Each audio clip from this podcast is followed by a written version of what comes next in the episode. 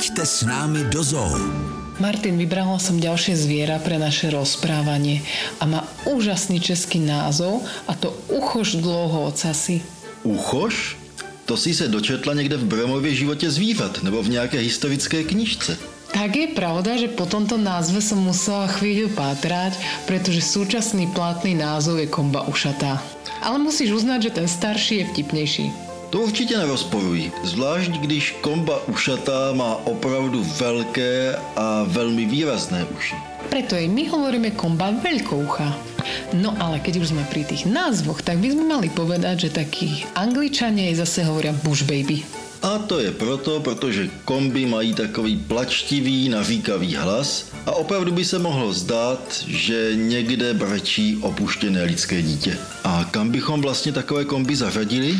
Mezi primáty, konkrétně mezi poloopice, tedy vzdáleně příbuzné třeba i lemurům. Všechny druhy komb se vyskytují v Africe. Komba ušatá patrí k tým najmenším. Jej chvost je dlhší ako je telo, ten dosahuje kúdne 30 cm, pričom telo má zhruba do nejakých 20 cm.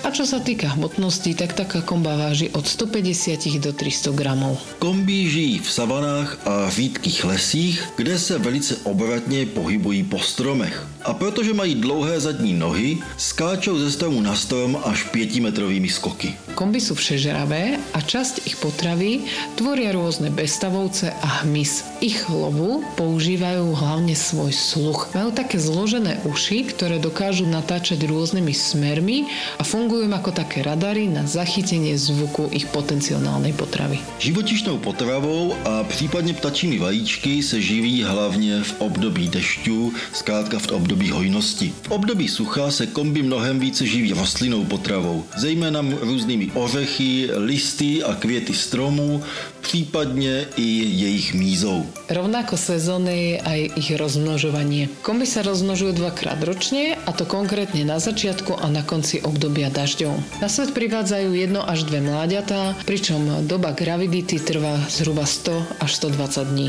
Mláďata zpočátku nechává samice v úkrytech a v dutinách stromů, kde má vyslané hnízdo trávou a listím, případně přenáší v tlamě. Komby jsou velice společenská zvířata, která žijí ve velkých rodinných skupinách. Svoje teritorium si značkují močí a trusem, které rozstírají tlapkami po větvích stromů. A pretože sú komby prevažne nočné, tak aj u nás ich môžete vidieť v tzv. noktúrku, ktoré sa nachádza v pavilóne Žíra v zoologickej záhrade Jihlava, odkiaľ sa s vami lúčia Sima a Martin.